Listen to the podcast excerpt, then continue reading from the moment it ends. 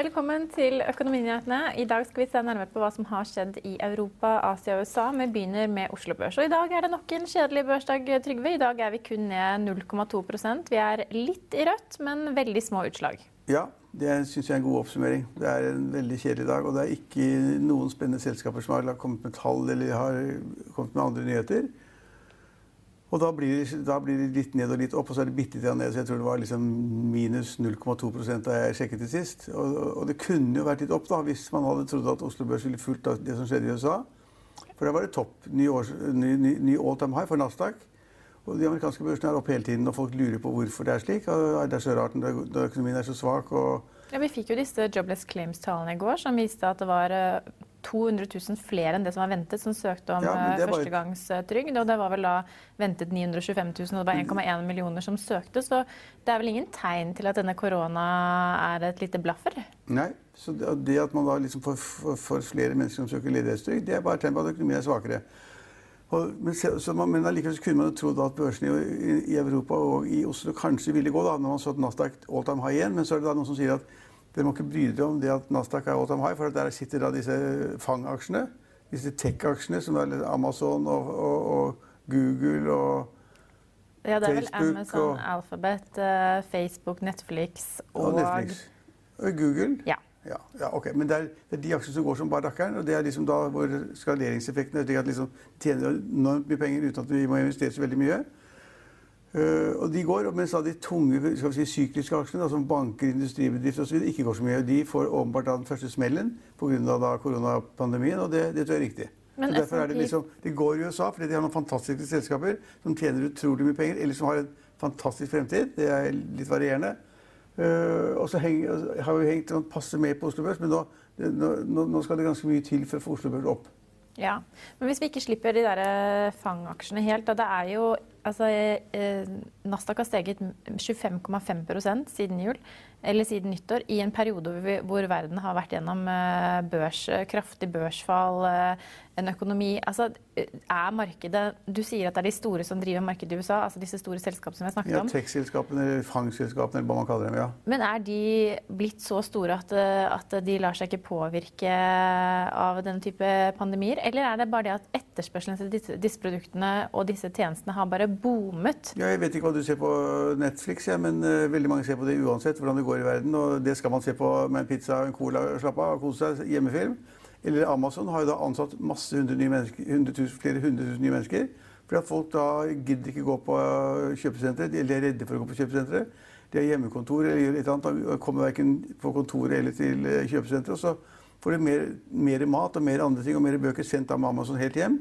Derfor så øker det omsetningen helt fantastisk for Amazon, som har verdens rikeste mann som hovedaksjonær. og det så jeg tror at de, gjør, de, lager gode ting. Netflix lager stadig bedre ting, får flere, flere, flere seere. Amazon uh, er verdens største og beste uh, online-tjeneste.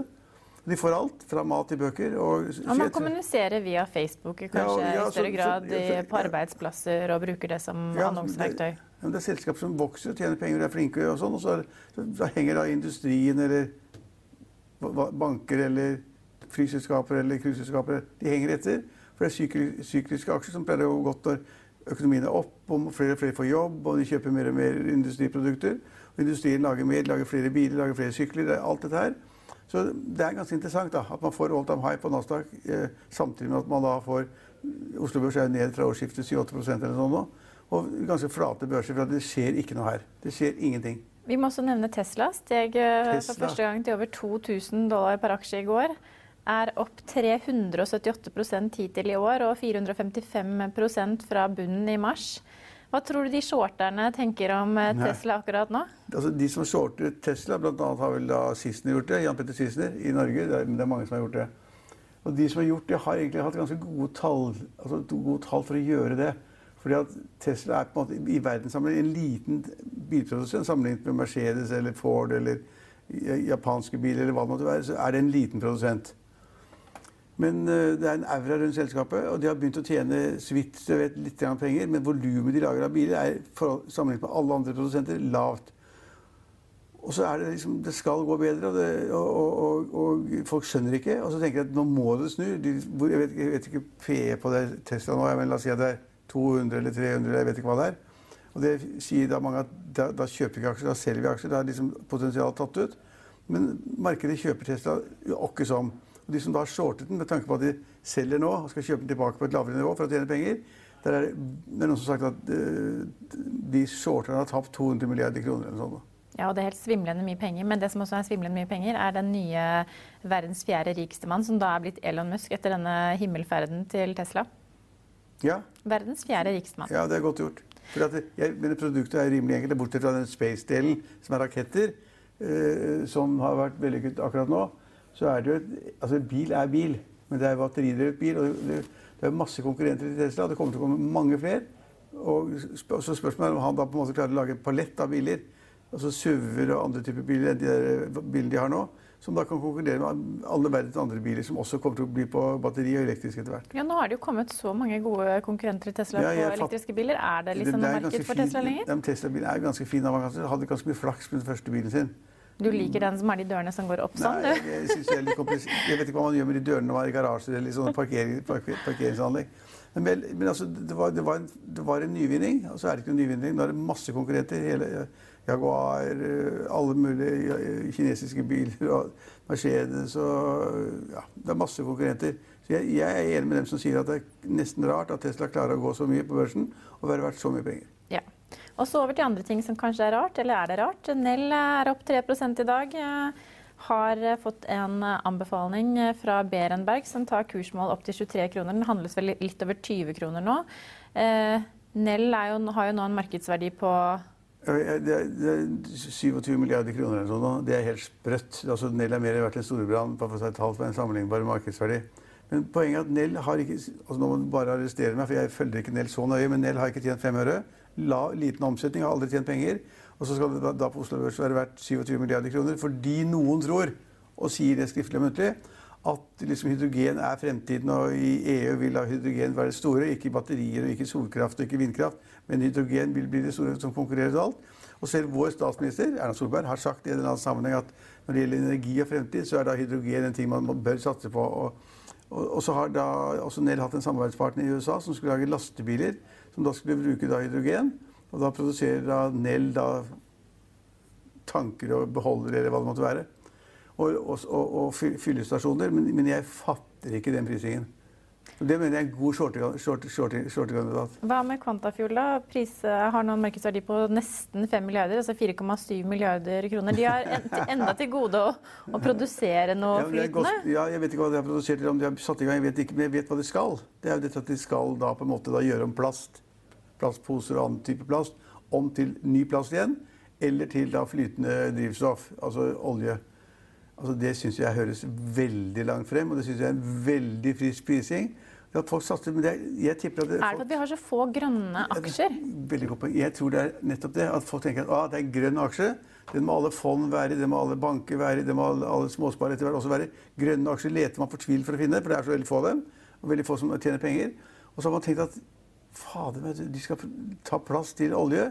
Det må være noe. Og så var det 5 milliarder du sa? Ja, i underkant av 5. 4,7 milliarder. Ja, men man kjøper jo egentlig troen da, om at de kan prising. kanskje men har produsere. Har de bygd en fabrikk? De har, fabri de har en fabrikk i Danmark utenfor ja. Skive, er ikke det? Men, men kommer det noe olje ut der? Nei, det var det jeg skulle spørre deg om. Kommer det noe olje ut der? jeg spør deg, jeg. Kommer olje ut der? Jeg tipper at det ikke kommer Vi spør publikum, de får tvitre oss om de vet det. Men um, OK, da. Så vi, vi har i hvert fall Nell som stiger 3 i dag. Og så har vi to andre aksjer vi snakket om i går, Fjordkraft og Kid, som la frem eh, tilsynelatende gode kvartalstall.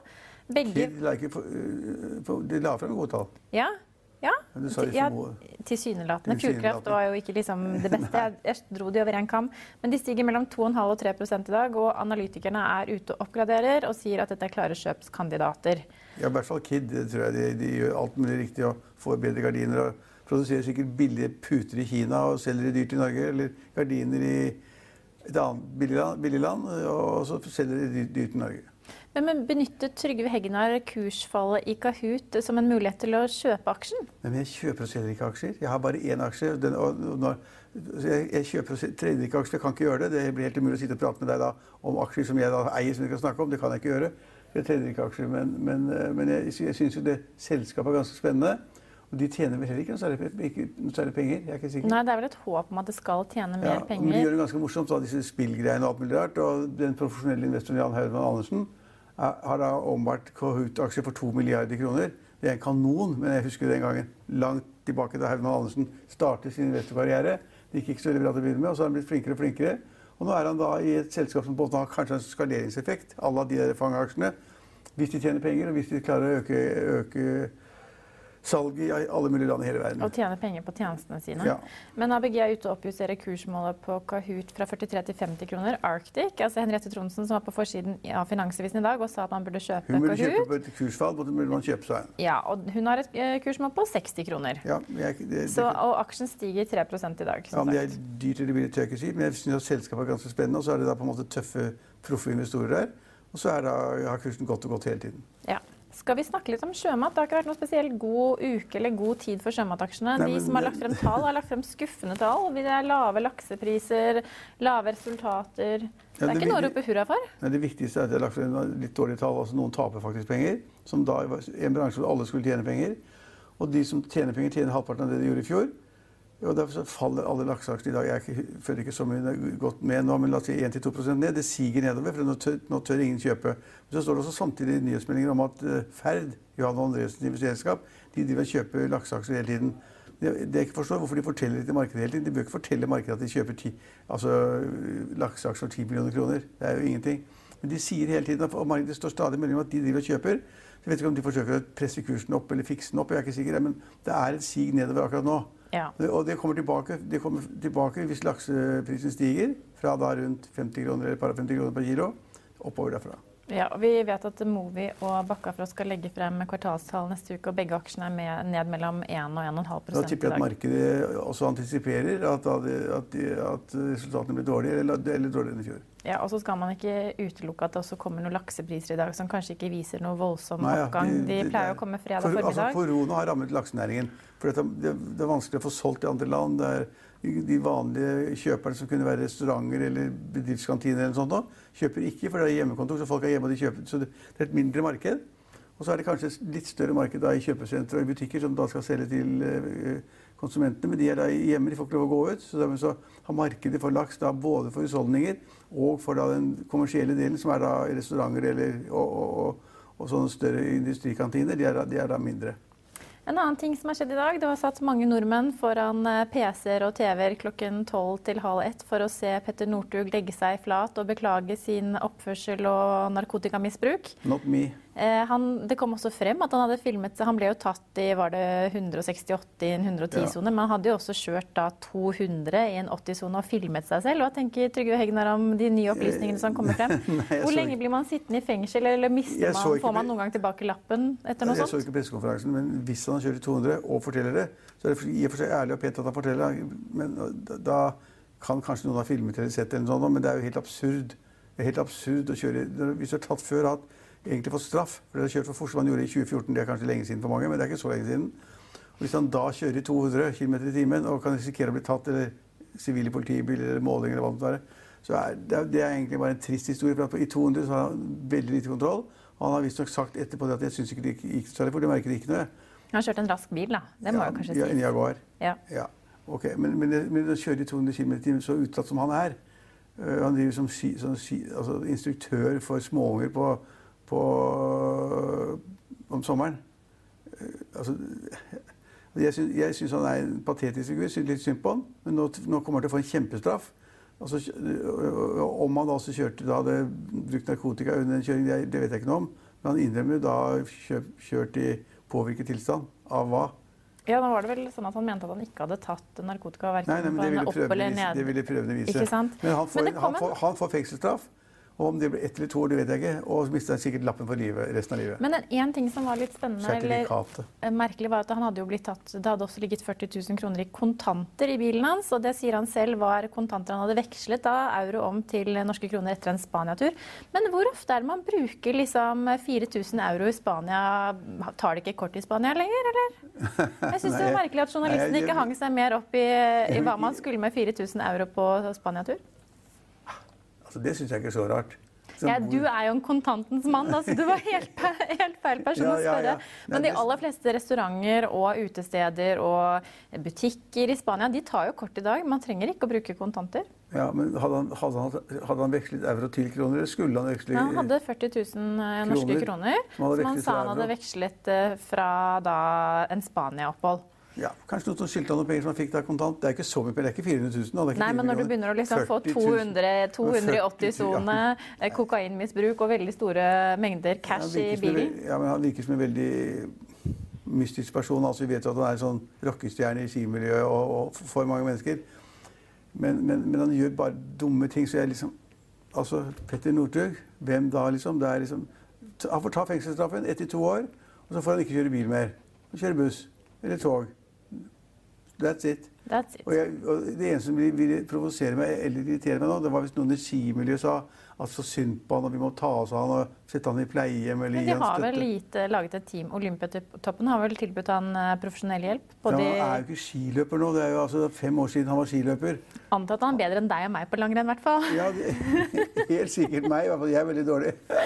Ja, Nei, men altså, Han er ikke skiløper, han hører ikke til skimiljøet i det hele tatt. Og det er evigheter siden han var god. Og nå er han bare en vanlig mann. Så kunne de, de kunne like godt være en journalist eller en rørlegger eller en Ja, som kjørte for fort. Men at, at de eh, sponsoravtalene hans nå kanskje henger i en tynn tråd, det er vel ikke å Jeg mener at det ville være merkelig hvis noen i det hele tatt fortsatte å være sponsor. De fleste burde trekke seg. Noen har jo trukket seg allerede. Og de alle burde trekke seg. Det er ikke noe å hente ved han. Det er ingen som, det, det ingen som, du, kjø- du selger ikke flere sykler eller jakker eller lurer eller briller eller hansker eller, eller ski. Du selger ikke noe mer med hans navn på. Ikke Ingen. akkurat nå, det er ikke sikkert at det er veldig negativt. Folk gir kanskje blaffen og spiller ingen rolle om skiene er gode eller stavene er gode. Men han selger ikke noe mer pga. navnet. Altså, altså, han er jo merkevaren. Merkevaren Petter Northug. sant? Liksom rockestjerne Petter Northug. Det er ikke det at han eier en fabrikk, en sykkelfabrikk eller en skifabrikk, som han da liksom kaster litt glans over. Han er merkevaren, og den merkevaren er mer eller mindre ødelagt. Ja. Da gjenstår det bare å ønske god helg. Vi er tilbake mandag klokken 15.30. Følg med oss igjen da.